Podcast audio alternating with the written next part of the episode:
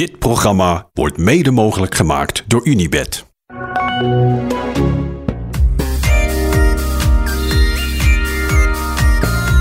Ja, ja, ja, ja, ja. Wat een heerlijke koers was dit, Thijs. Goedenavond. Lekker koers. Oh, ingehouden? Ja, maar omdat het gewoon wel tijd werd, Hidden. Ja, oké. Maar dan mogen we ook enthousiast zijn. Jazeker, dat was echt dat was een heerlijke koers. Dit klopte wel alles vandaag. Alles, alle elementen kwamen naar voren. Grote vluchtgroep, strijd daarachter. Twee wedstrijden voor de prijs van één. Ja. Actieve gele trui wil ik het er graag over hebben. Nou ja, zo. Eh, Begin ja, hoop tactisch... eh, nou ja, weet ik eigenlijk niet. tactisch gefaal ook wel tussendoor. Komen we zo meteen nog wel even op. Ja, of meteen. Nou, ik wil eerst even over Kastelein. Ach, Want- gelukkig. Ja, want ik dat... Nee, ik weet niet hoe zuur je in de wedstrijd zat vandaag. Nee, helemaal niet. Want ik vind het gewoon heel vet dat eh, vluchters het halen. En ik vind het, eh, eigenlijk wat we de afgelopen dagen elke keer hebben gezegd, weet je wel, er moet een keer een grote vluchtgroep gaan, bla bla bla. Nou, we werden op ons wenken bediend. Ehm, in het peloton werd daarna ook echt best wel eh, voor het eerst de bal bij SD-Works gelegd. Nou ja, doen, doen jullie het dan maar. Je kreeg dus niet Canyon of FTG of weet ik van ploeg die ook de slag had gemist die er achteraan ging rijden. Ehm, met als gevolg dat ze dus 10 minuten kregen. En Kastelein maakte het geweldig af. Ja. Wat een goede renster is dat. Ze is ook wel echt irritant in de kopgroep. Dat hebben we al gezien. Met, Ja, eh, met Van Aert. Koster en Van Acht. Ja. Ja. was vandaag ook wel weer. Zat vandaag ook weer netjes beurtjes te skippen. dus eh, ja, ik denk dat het niet een wijze feest is als je met haar weg bent. Maar ze is wel echt heel goed, hè? Ja, dat, dat is, eh, had je het verwacht dat ze zoiets zou kunnen? Eh, nou ja, als je kijkt waar ze de vorige dagen allemaal uitkomt. Dat je die dag dat ze met eh Koster en Van Achten weg was. Toen kon ze op de laatste klim ook nog demarages beantwoorden. Dat was echt, toen dacht ik al, huh? je, hebt de hele, je hebt nu, weet ik wel, nog vooruit gereden. En je kan nog op, de, op het slotklimmetje, kan, kon ze nog Reuser en zo eh, achterna. Dus ja, toen zag je wel dat ze echt wel goede benen had. En het is ook gewoon een renster die echt goed klimt. En nu eh, in de finale eh, reed Kopecky weg in de achtervolgende groep. Daar komen we zo meteen nog maar even op te spreken, Ja. over te spreken. Maar die kwam eigenlijk op een gegeven moment ook gewoon niet meer dichterbij. Nee, Sterk, sterker knap. nog, ja, op bergop was Kastelein gewoon beter. Terwijl die dus al de hele dag vooruit had gereden. Echt knap. Echt knap. Eh, en eh, terecht eh, dat die ploeg een beloning krijgt. Want Phoenix rijdt gewoon deze hele Tour al... Nou ja, is de grote gangmaker eigenlijk. Gisteren waren ze er super dichtbij. Dus volgens mij is het gewoon loon naar werken. Mooi. Fijn dat dat ook gebeurt op zo'n Ja. dag. Ja. Ja. ja. En ze hield het inderdaad fantastisch. Schitterend die laatste ongelofelijke steile pukkel hier naar boven bij eh Rodes. Wat een, kloot, wat een klote aankomst is dit. Ongelooflijk. Ja. Dus, de, dus de, de helft stond ook stil, leek het. Ja. Zo zwaar. Zo Ja. stijl. Ja. Goed, dan daarachter. Kastelein, fantastisch. Ehm, ze, ze pakte overigens nog bijna het geel. Maar dan gaat Kopecky rijden. Reed ze voor het geel of reed ze tactisch voor Vollering? Dat is een goede vraag. Ik denk een beetje van allebei. Ja, beetje van allebei, ja? Ja. Kijk, eh, vandaag hadden we dus voor het eerst dat SD-Works ehm, de ondersteunende rensters had opgebruikt. Dus Cecchini en eh Bredewold, die waren op een gegeven moment klaar. Ja. En Majorus zat in de kopgroep. Wiebes heeft een tijd op kop gereden, die was klaar. Dus toen was het op een gegeven moment, ja oké, toen hadden ze dus niemand meer over. Hadden ze nog Reuser, Voldering en Kopecky. En Majorus in de kopgroep. Ja. En toen moesten ze dus eigenlijk gaan kiezen. Gaan we nu eh, tempo rijden in die groep? Zetten we iemand op kop? Dat had dan waarschijnlijk Reuser moeten zijn. Ehm, of gaan we springen? En toen kozen ze dus voor om Reuser dus nog niet op te, gebruiken, op, op te gebruiken. Misschien had ze ook niet de benen, want Reuser was ook niet geweldig goed vandaag. Nee, die zat snel in het tweede groepje op een gegeven moment. Ja, maar die zat er wel de hele tijd bij. Dus je had ook ja, ze hadden ook ervoor kunnen kiezen om Reuser op kop te zetten en het gat gewoon iets kleiner te maken en nou, een beetje gecontroleerd te rijden. En in plaats daarvan uh, besloten ze dus, nou ja, wat wel vaak wordt gezegd, blijf maar springen, wordt er dan vanuit de auto gezegd. Uh, met de theorie is als je zelf gaat springen en als je het in gang houdt, dan hoef je dus ook niet op kop te rijden. Want dan wordt het gewoon een soort spervuur van aanvallen en dan wordt er dus vanzelf ook hard gereden. En dan leidt iedereen. Wat ze dus wilden voorkomen was dat Reuser en of Kopecky op kop zouden gaan rijden en dat de rest zou te lachen in het wiel. Van haha, deze worden al nu opgebruikt. Mooi zo, dan kunnen we zo meteen uh, die wegstrepen. En dat wilden ze niet. Dus um, ja, ze lieten Kopecky aanvallen. En um, dan was het de theorie, dan zou Voldering daar naartoe moeten springen. En ja. dan hadden ze met z'n tweeën weg kunnen rijden. Uh, dat was, nou ja, interessant plan. Slecht uitgevoerd sowieso. Waarom? Uh, nou ja, want Voldering durfde niet lang genoeg te wachten, denk ik. Dus die reed, denk ik wel, drie of vier keer temereerde ze met de hele groep in het wiel. En reed ze bijna terug naar Kopecky. Waardoor iedereen ook dacht, nou laat die Kopecky lekker rijden. Ja, ze zorgden er eigenlijk voor dat Kopecky ging zwemmen. Ja, wat, het, wat, wat natuurlijk interessant was geweest is als ze dat vlak onder de top had gedaan. Weet je, dit is natuurlijk waar Jumbo-Visma de afgelopen jaren in de Tour bij de mannen echt een soort van... Uh, Schaaksport van gemaakt heeft. Ja, precies. Ja. Dat er boven, bovenop die klim iemand op je staat te wachten. En dit was natuurlijk wel een etappe waarin uh, de klimmetjes iets korter waren en waar het iets meer aankomt op explosief werk. En ik denk dat bij SD Works, en ik denk dat het ook een terechte overweging was, dat de kans er was dat Voldering uh, van Vleuten zou lossen. Ja. En als je dan dus iemand daarvoor uit te bereiden waar Voldering naartoe rijdt, ja, dan maak je in één keer echt een gigantisch gat. Dan kan je echt een slag slaan. Dan gaat het niet meer over een paar seconden, maar dan kan je echt een echte slag slaan. Dus dat is, dat is wat ze probeerden. Dus Kopecky vooruit en dat Voldering dan daar naartoe zou rijden. Ja, dan moet je het dus eigenlijk één keer echt goed doen. Niet drie keer half, want dan elke keer wordt het gat weer heel klein.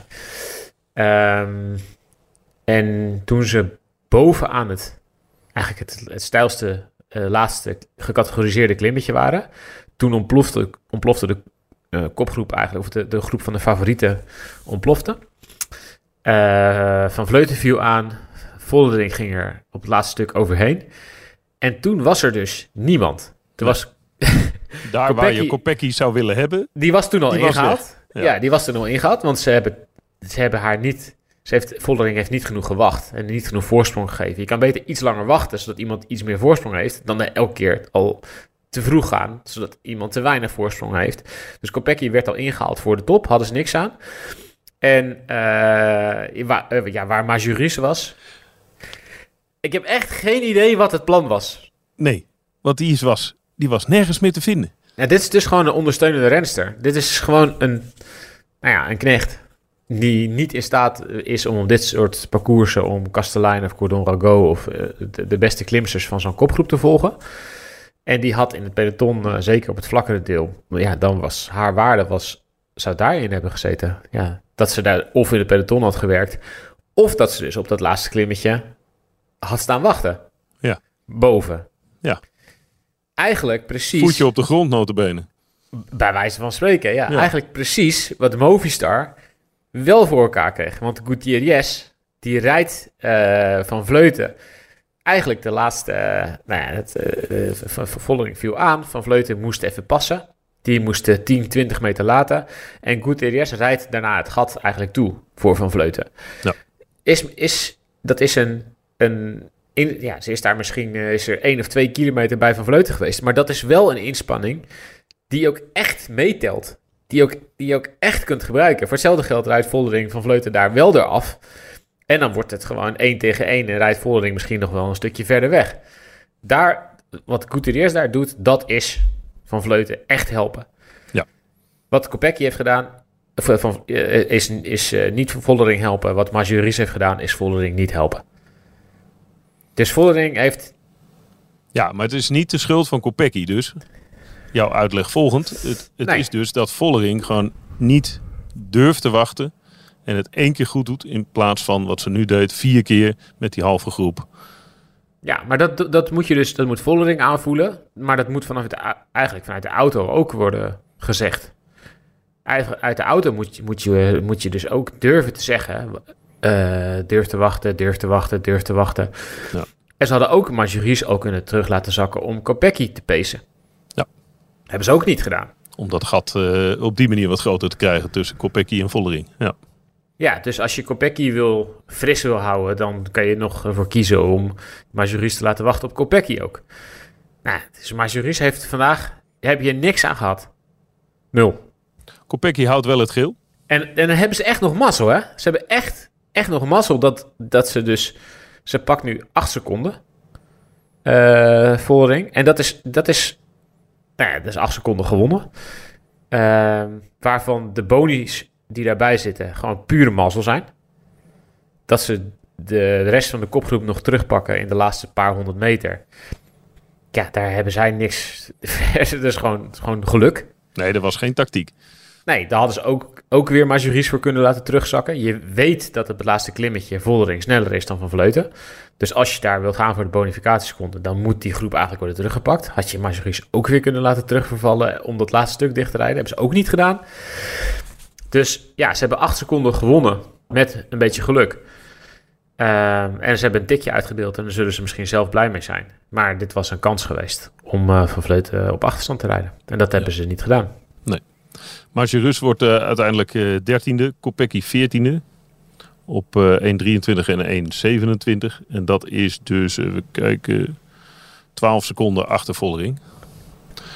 Dus het, ja. Het, ja, het is niet zo. Het had best gekund. Nee, tuurlijk had het gekund. Ja. Ja, het- ja had, je, had je prima Ze kunnen gebruiken prima kunnen timen. Ja. Ja.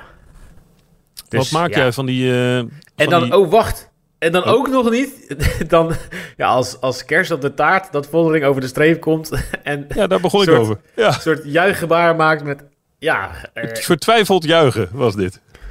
ja, did I win? Of won ik? Ik weet niet wat ze... Je Ja, zoiets hè. Ik kon het ook niet helemaal lip, Ja. lipleuzen uit de eh, radiocommunicatie. Nee. Ja.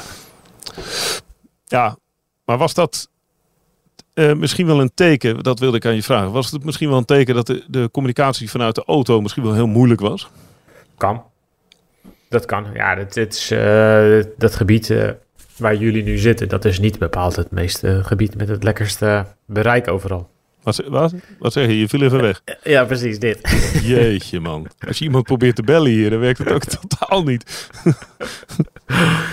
Weet je wat erg is? Het is ook, het is ook niet, ver- niet verbeterd. Toen- Toen ik eh, in 2000... pff, Wanneer was dit? Toen ik eh, de- t- t- eh, bijna 20 jaar geleden in Frankrijk woonde.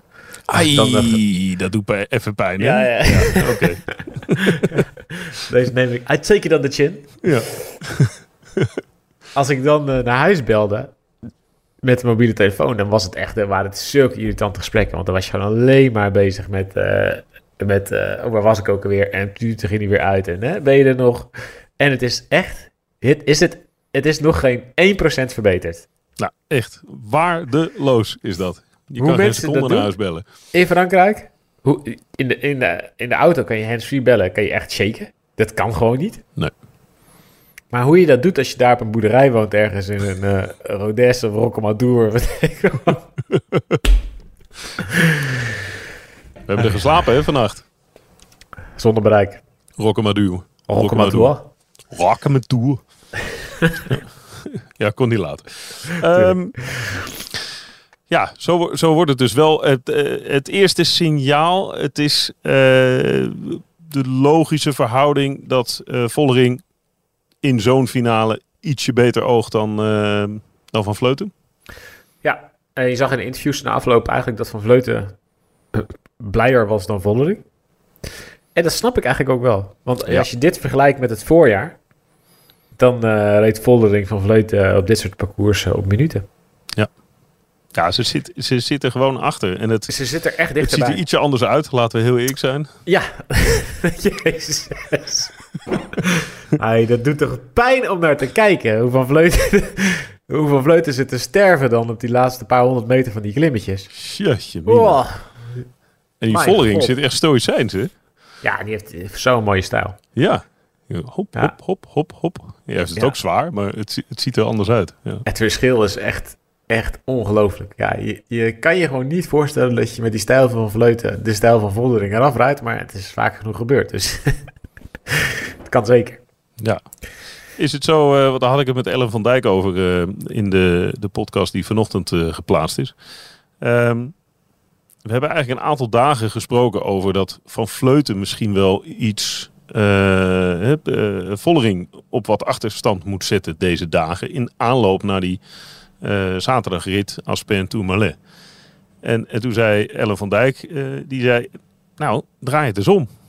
Misschien is dat wel helemaal niet zo. Misschien is, misschien heeft Van Vleuten wel het vertrouwen dat dat andersom is. Nou ja, kijk, als je kijkt naar de afgelopen jaren, dan is Van Vleuten beter op langere beklimmingen. Ja. Dus puur fysiologisch, zeker omdat Van Vleuten iets minder explosief wordt doordat ze ook ouder wordt, ehm, of, of een stuk ouder is. Iedereen wordt ouder.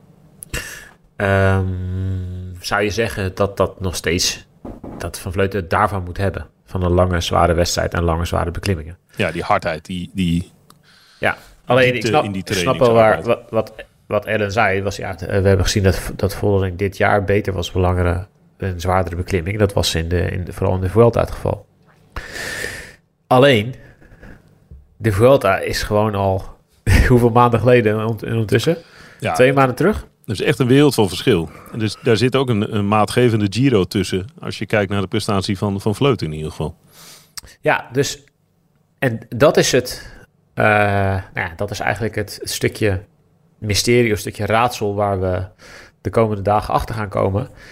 Is Van Vleuten sinds de Vuelta beter geworden en kan ze nu wel Voldering aan op die lange, zware beklimming? Want uiteindelijk daar gaat het gebeuren. Ja. De, kijk, deze acht seconden, hier gaat in principe de Tour niet mee worden beslist. Zij Laurent Fillon ooit voor de tijd. Nee, natuurlijk kan, het kan natuurlijk wel een keer aankomen op 8 seconden. Maar als je ziet met wat er, wat er nog komt, met een hele zware bergrit en met een tijdrit, dan is 8 seconden waarschijnlijk niet eh, de, de, doorslaggevend.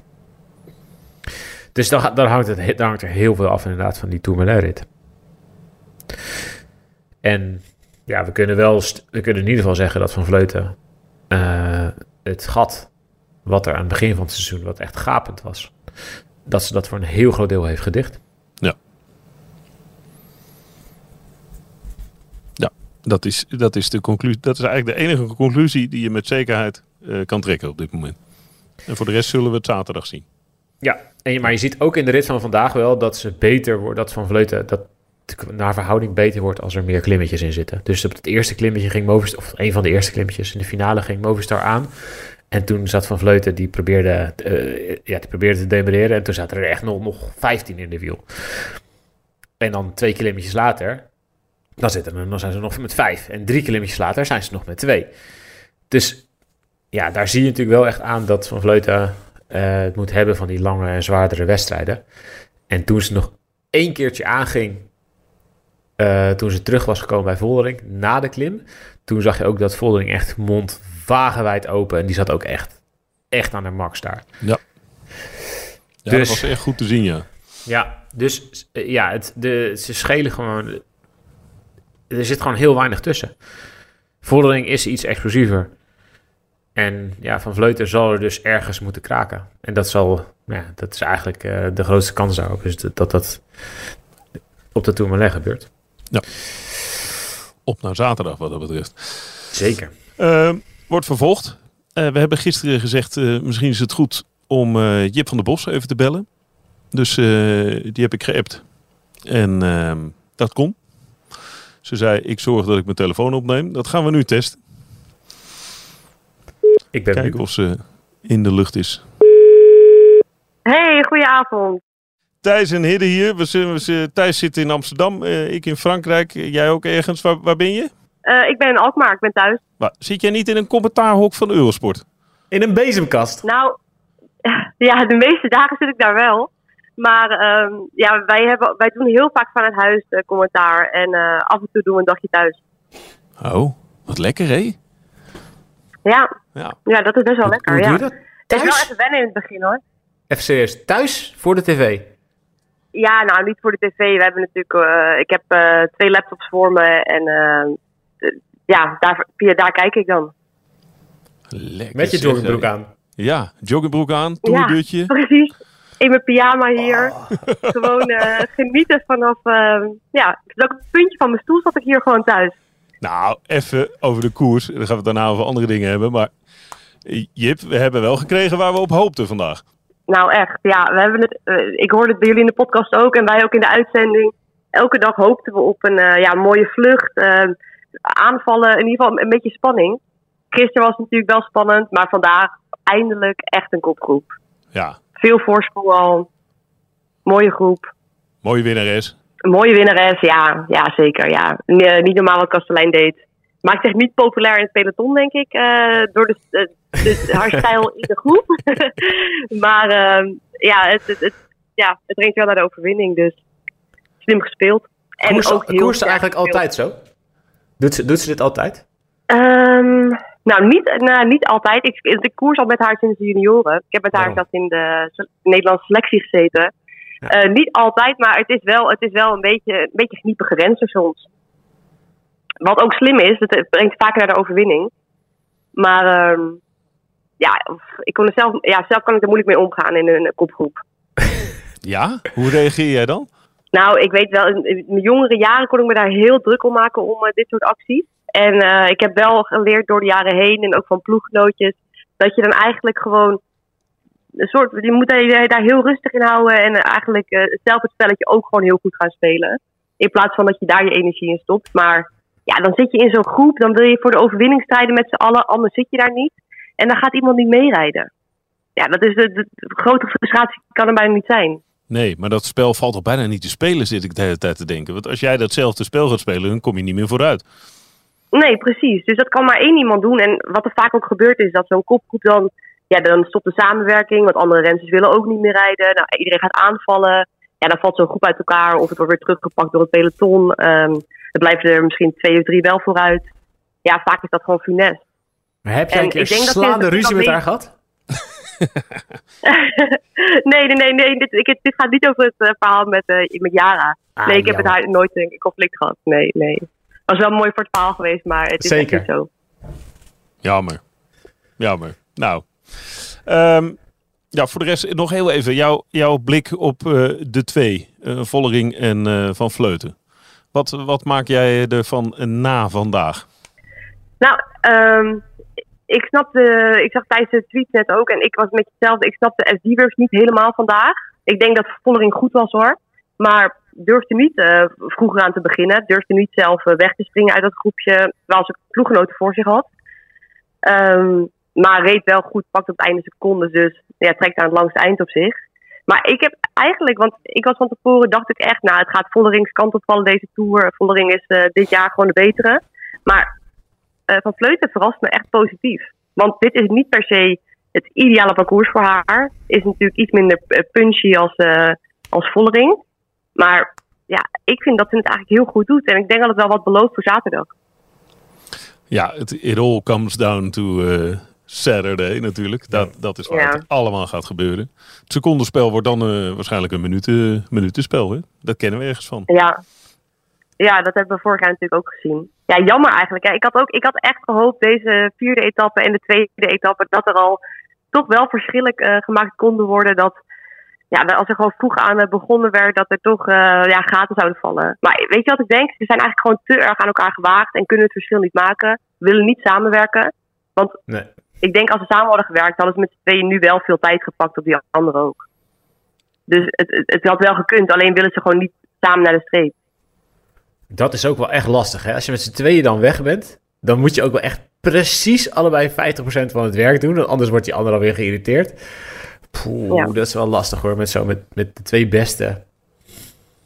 Ja, en, en dat precies. En ze weten denk ik ook dat ze zaterdag ook met de tweede beste gaan zijn. Ja. Dus dat is ook niet echt heel erg om te wachten. Dan gaan ze het gewoon uitvechten. En stel het lukt dan niet, wordt het in de tijdrit uitgevochten. Dus ja, ze, ze hoeven ook niet echt door te rijden met z'n tweeën. Nee. Alleen omdat het voor ons leuk is eigenlijk. Ja, wat ik op zich wel een reden zou vinden natuurlijk. Wie denk je dat de beste tijdrijder van de twee is nu? op dit parcours? Ja, je zou... Ik, je, normaal gesproken natuurlijk van Vleuten, maar ik denk... Ja, ik durf het niet te zeggen. Echt voor deze Tour had ik echt gezegd... Uh, Vollering is beter in de bergen en beter in de tijdrit. Het gaat Vollering worden. Maar Van Vleuten reed echt een goede Giro. En voor mijn gevoel groeit ze gewoon echt dit seizoen en de laatste weken vooral. En zou het zomaar kunnen zijn dat ze gewoon hier echt een topvorm is. En dat ze opeens wel een hele goede tijd de tijd zondag. Het, het zou me niet verbazen als dat gebeurt. Ik vind een van de leukste elementen van dit hele voorbeschouwingsspel richting zaterdag... is dat Vollering geen Giro heeft gereden. Dat maakt de dynamiek tussen die twee enorm interessant en onvoorspelbaar op dit moment. Ja. Ja, omdat we minder weten zeg maar, hoe de papieren er uh, ten opzichte Ja. van elkaar... Je hebt recent Ja. geen vergelijkingsmateriaal. Nee, ja, dat is zo. Dat maakt het inderdaad spannend, denk ik. Ja. En, maar, ja, maar alsnog voor die Tour, zeg maar, we wisten natuurlijk dat Van Vleuten een goede Giro reed. Maar toen dacht ik ook nog van, nou, eh, Vollering was er gewoon niet in de Giro. Daarom was ze zo goed.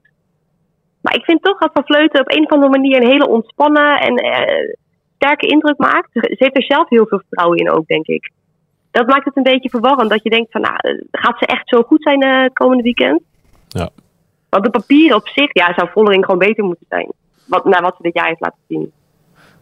Ja, nou, ja, de heerlijk. Dit is, dit is heerlijk. Ik, misschien moeten we in naar zaterdag. nog een keer bellen. dit, is, dit, dit belooft een hele hoop. Ehm, we willen ook even wat anders eh, eh, met je bespreken. Want gisteren eh, vroeg ik eh, naar aanleiding van de eh, ja, vreselijk uitziende val van Eva van Acht. eh, die, eh, voor de mensen die het niet weten, die in de afdaling hard viel. Ehm, en onder een, hoe heet dat ding? Een vangrail, Vangrail. terecht eh, kwam. Ehm, en toen hadden we het over eh, hersenschuddingen. En toen vroeg ik aan Thijs, eh, Jip, stelde ik de vraag: heerst er binnen het profpeloton een taboe op hersenschuddingen? Wat zou jouw antwoord zijn? Ah, lastig. Ja, ik denk niet per se in het peloton, maar ik denk misschien dat het, dat het wel iets breder is. Dat het misschien wel een beetje in de samenleving is. Want een hersenschudding wordt heel vaak denk ik gezien als iets van... Ja, er is niks kapot, dus op zich niks aan de hand. Je moet even rust nemen en dan herstel dat weer. Ehm, en dat is denk ik ook zo als je op kantoor werkt en eh, je bent uiteindelijk een half jaar ziek omdat je een hersenschudding hebt. En ook in het peloton is dat hetzelfde. Het, er wordt gewoon heel vaak naar gekeken. En ik deed dat zelf ook, want ik ben ervaringsdeskundige natuurlijk. Ja. Ehm, voordat ik zelf eh, last had van eh, ja, heel lang klachten na een hersenschudding, dacht ik ook heel vaak van, nou, iemand die lang last daarvan heeft, nou, die heeft misschien niet zoveel motivatie meer. Of ehm, ja, er is iets anders aan de hand. Weet je wel, van eh, hoe kan het nou dat je daar zo lang last van hebt? Ja. En ik denk dat het misschien niet eens echt een taboe is die erop heerst, maar vooral ook onbegrip. En mensen hebben er gewoon een vooroordeel over. Dus mensen die het meemaken praten er niet graag over. Want je wilt je vaak niet aanstellen. Je wilt, nou ja, je hebt het er gewoon niet graag over. Omdat het niet iets is om trots op te zijn natuurlijk. Als je lang klachten hebt na een hersenschudding. Of überhaupt een hersenschudding hebt. Wordt een beetje als zwakte gezien in het eh, peloton misschien. Ja, en dus in de samenleving. Stel je niet zo aan. Wat- we- Ja, we- stel je niet zo aan, van, We zien niet eh, niks dat er iets aan de hand is. Ja. Ja, precies. Ja, en dat, dat, tegen mij is dat echt vaak gezegd dat iemand zei van... Nou, ik zie helemaal niks aan. Je gaat toch hartstikke goed met je? Jep, Jep, kun je vertellen wat er met je gebeurd Ja. is? Want je, je was echt een van de, nou, een van de, van de grootste talenten in Nederland. Eh, je, je reed fantastische uitslagen. Eh, tot dat ene moment. Kun jij vertellen wat er gebeurd is? Eh, ja, nou, ik. ehm, eh, het was in het coronajaar 2020 en ehm, we mochten net weer koersen. En ik had eigenlijk een heel goed, goede coronaperiode gehad. Ik had lekker op mijn eigen manier getraind. Ik had eigenlijk mijn trainingsschema's een beetje losgelaten, mijn eigen dingen gedaan. En ik kwam echt op de eerste te- teamtrainingskamp echt in topvorm eigenlijk uit die periode. Toen ehm eh, reden best wel snel was eh Ploué, wereldbeker voor de dames toen. En daar reed ik heel goed. Ik zat in de kopgroep met z'n drietjes, met eh, Lizzie Dekenen en Lizzie Banks. En in, in de afdaling, ehm, ja, ik, ik maak zelf een fout. Ik rijd de bocht verkeerd en ik val. En ehm, ik knal een soort van heg in. Eigenlijk een heel knullig valletje. Ik voelde wel meteen, weet je, mijn helm zat scheef. En, en ik, had, ik was een beetje misselijk, dat voel je wel. Maar ik rijd die koers uit, omdat ik eigenlijk gewoon heel erg gefrustreerd ben. Dat ik niet meer in die kopgroep zit. Die meiden worden uiteindelijk 1 en 2. Ik zat bij die twee. En ja, ik, dat was mij een soort van eh, top van mijn carrière bijna. Dat ik in een wereldbeker op het podium kon staan. En eh, dus ik rijd die koers uit, ben gefrustreerd. En van die koers ging ik meteen door naar La Koers.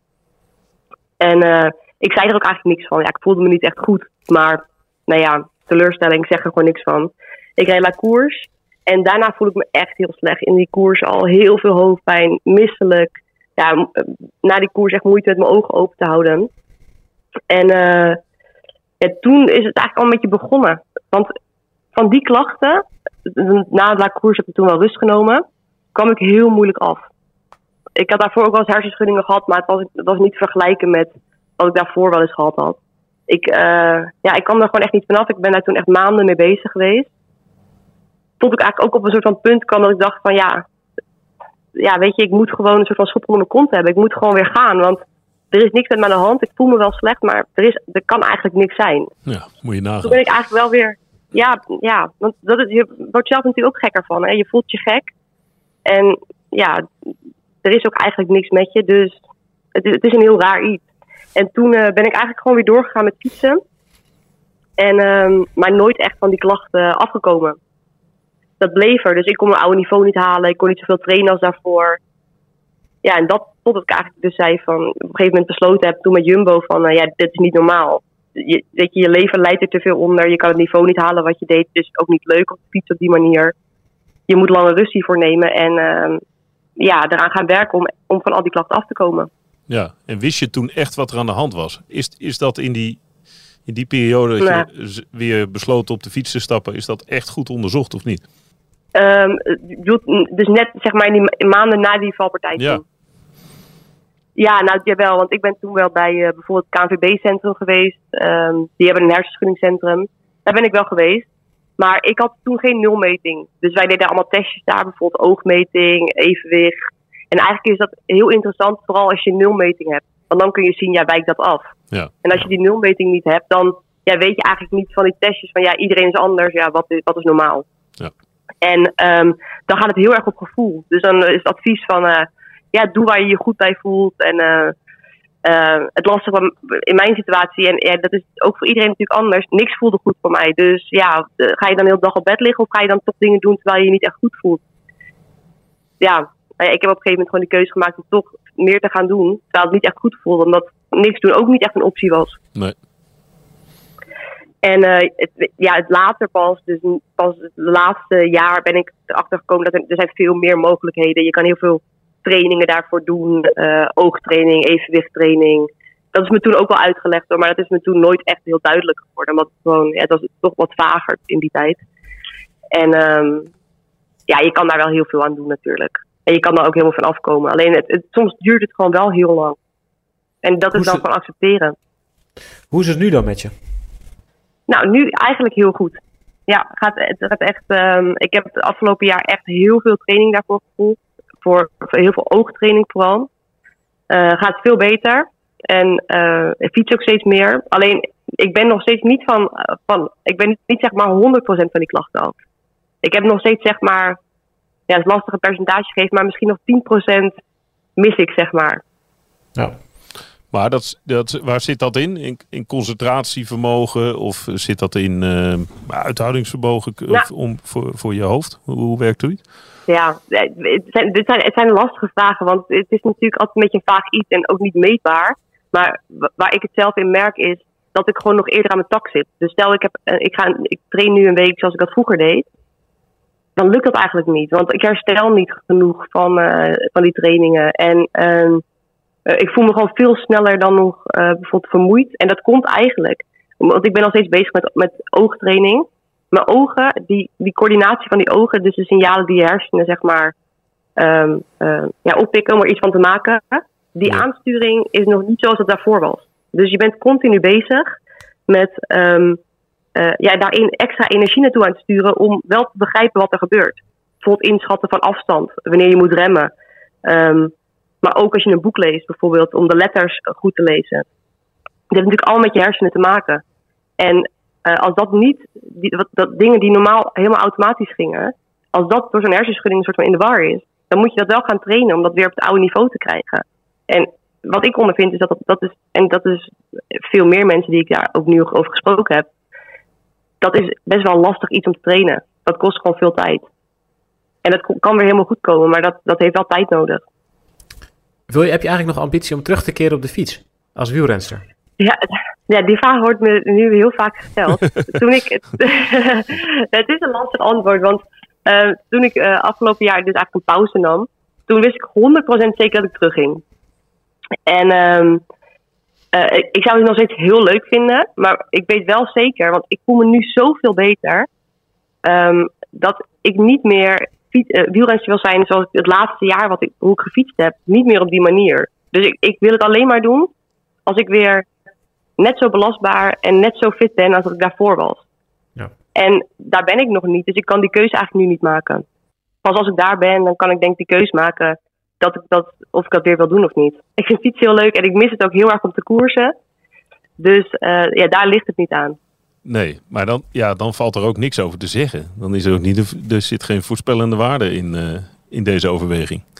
Nee, nou ja, wel, want ik ga ervan uit dat ik weer helemaal 100% word.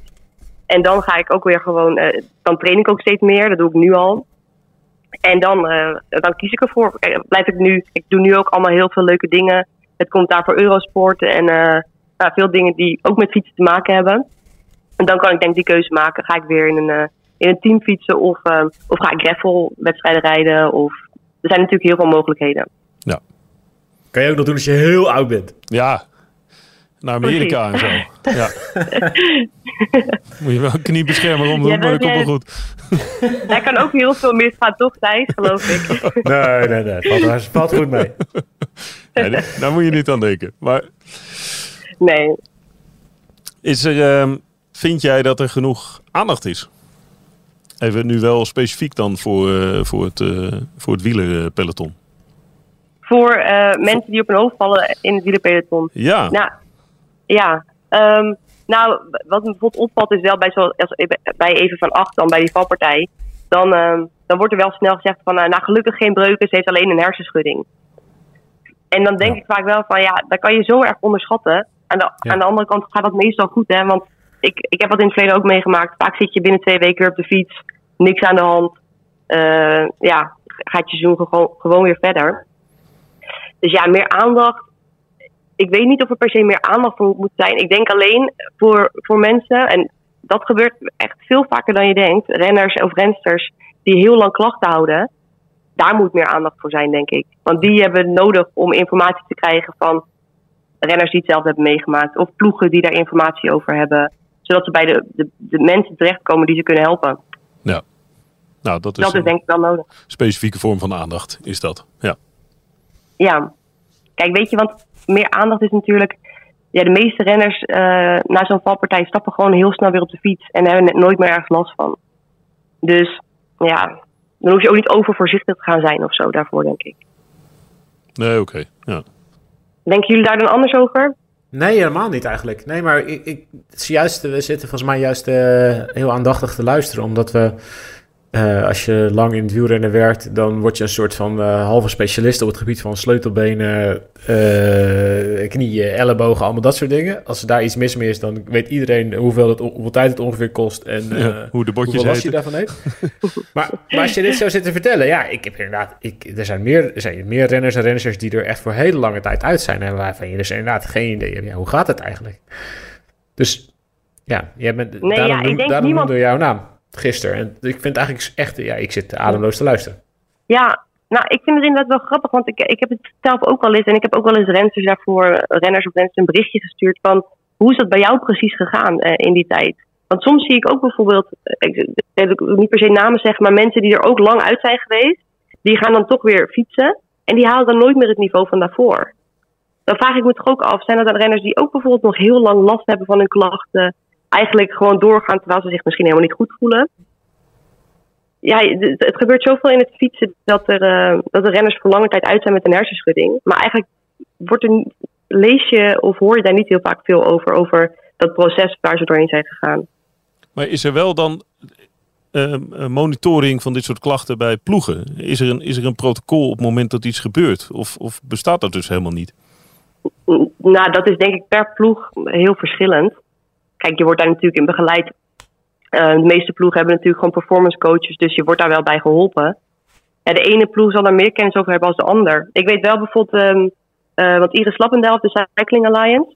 Ja. En uh, die bieden zo'n nulmeting bijvoorbeeld aan. Dus als je dan lid bent van, nou, als je daar gewoon lid van bent, dan kan je elk jaar gratis zo'n uh, nulmeting doen, bijvoorbeeld. Een rennersvakbond. Dus er is wel, er is wel aandacht voor.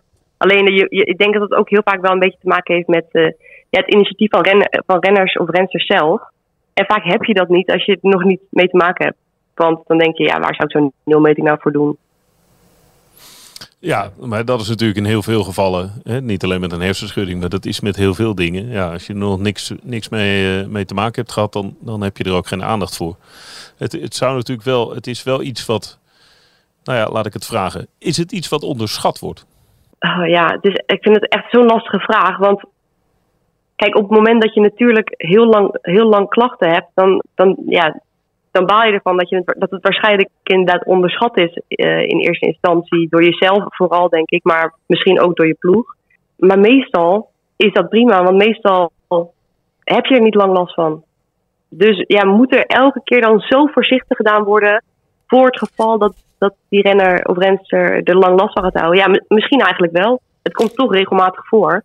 Misschien moet er dan toch uit voorzorg voorzichtig mee omgegaan worden. Nou ja, we hadden het er gisteren over.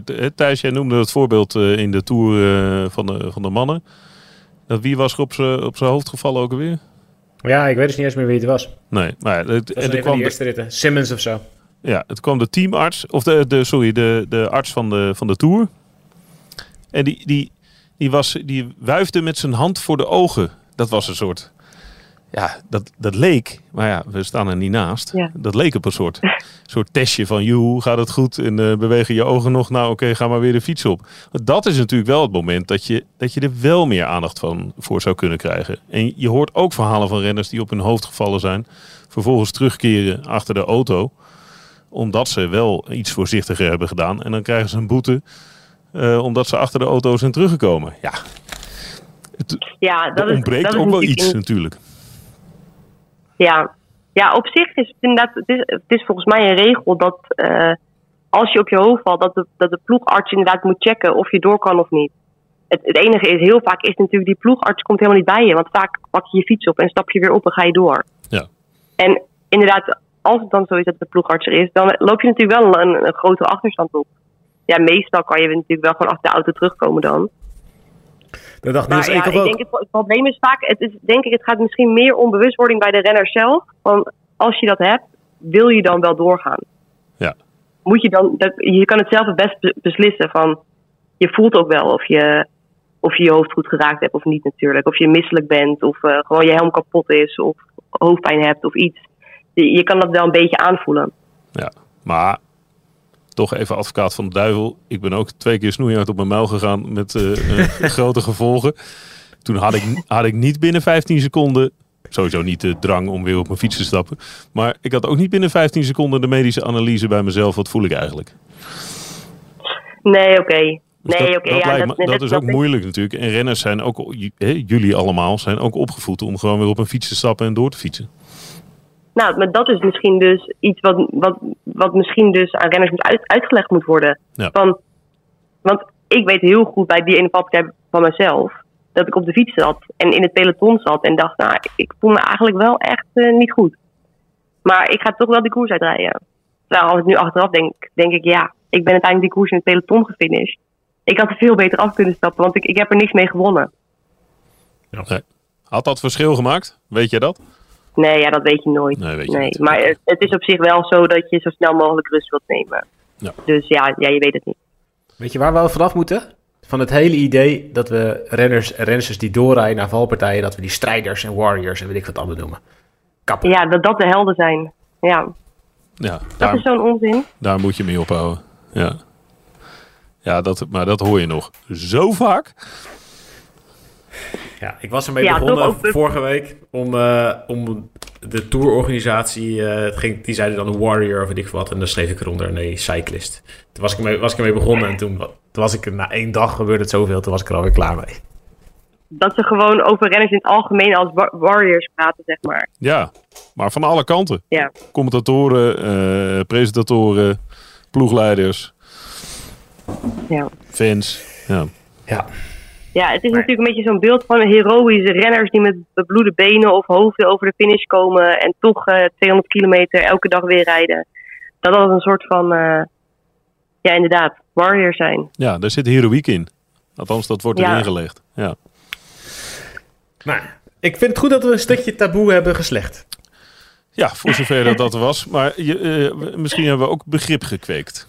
En, en dan is de volgende stap is kennis vergaren met z'n allen. Ja, precies. Ik denk alleen al do- door, eh, als mensen erover horen, dat ze het misschien iets beter begrijpen. Dat dat al helpt. En dat renners die zelf zoiets hebben, eh, misschien eerder denken, nou, ik ga mijn fiets toch even niet op nu. Laten we dat, Dat is denk ik al heel goed. Ben jij eh, de, de rest van de week ook nog te horen bij Eurosport, elke dag? Ja, zeker. Tot zondag. Maar mag ik, mag ik een klein compliment geven? Ik vind namelijk echt, je, je doet het echt fantastisch. Nou, dankjewel. Ja, je kan er geen reden mee. Maar het, het, is, eh, het is echt eh, hartstikke leuk. Nee, maar Ja. toch fijn om te horen. Soms heb ik, ik zei het net nog tegen Tim, eh, de host van bij Eurosport. Zei ik, soms voelt het zo idioot dat je dan voor dat scherm zit en alleen maar over die koers aan het praten bent. En ik zit hier in mijn eentje in de, in de woonkamer. en dan denk ik, ik ben, helemaal, ik ben helemaal niet goed in mijn hoofd. Ik zit gewoon drie uur over een, tegen een koersscherm te praten. Dan is het soms wel fijn als iemand zegt van, nou, ik heb naar je geluisterd, dit was leuk. Want dan heb je toch het gevoel dat je het voor iemand doet. Ja, nee, dat doe je zeker. Ja. Laat, dat- laat dat dan inderdaad een steun zijn. Op de eenzame Ja, dagen in de woonkamer. Ja. Mooi. Eh Jip, hartstikke bedankt dat we hier met Ja, je over mochten zijn. praten. Ja. En, Thanks, eh, Jip. Groeten. In de aanloop eh, naar de Tourmalet bellen we misschien nog wel een keertje. Is helemaal goed. Ik spreek jullie later. Helemaal goed. Dank je. Doei. Doei doei.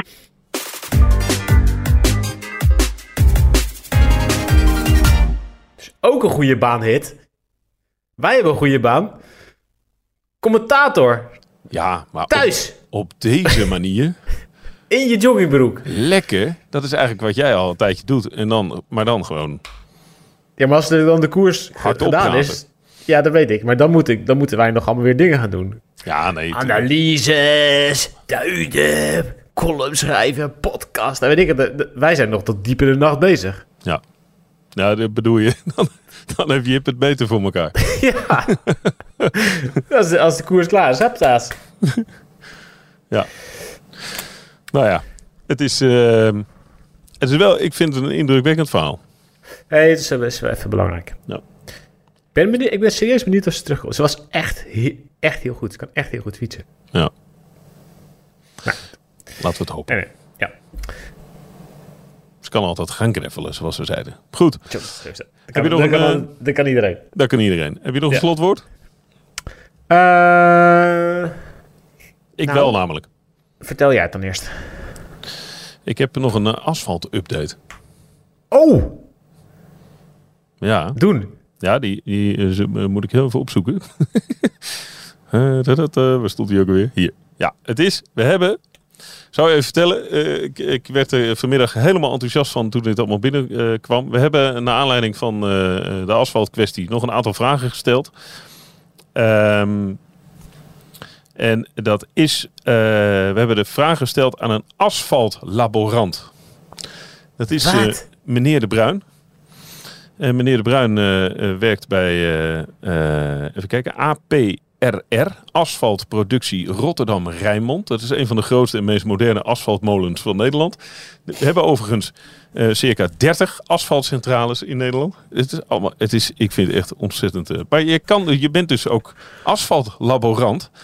Eh, je hebt een aantal vragen gesteld. Eh, bijvoorbeeld, is nieuw asfalt gladder met regen dan ouder asfalt? Hè, wij Uh-huh, vinden ja, wel dat ja, dat zo is, maar is dat ook echt zo? Eh, ja, het is inderdaad gladder.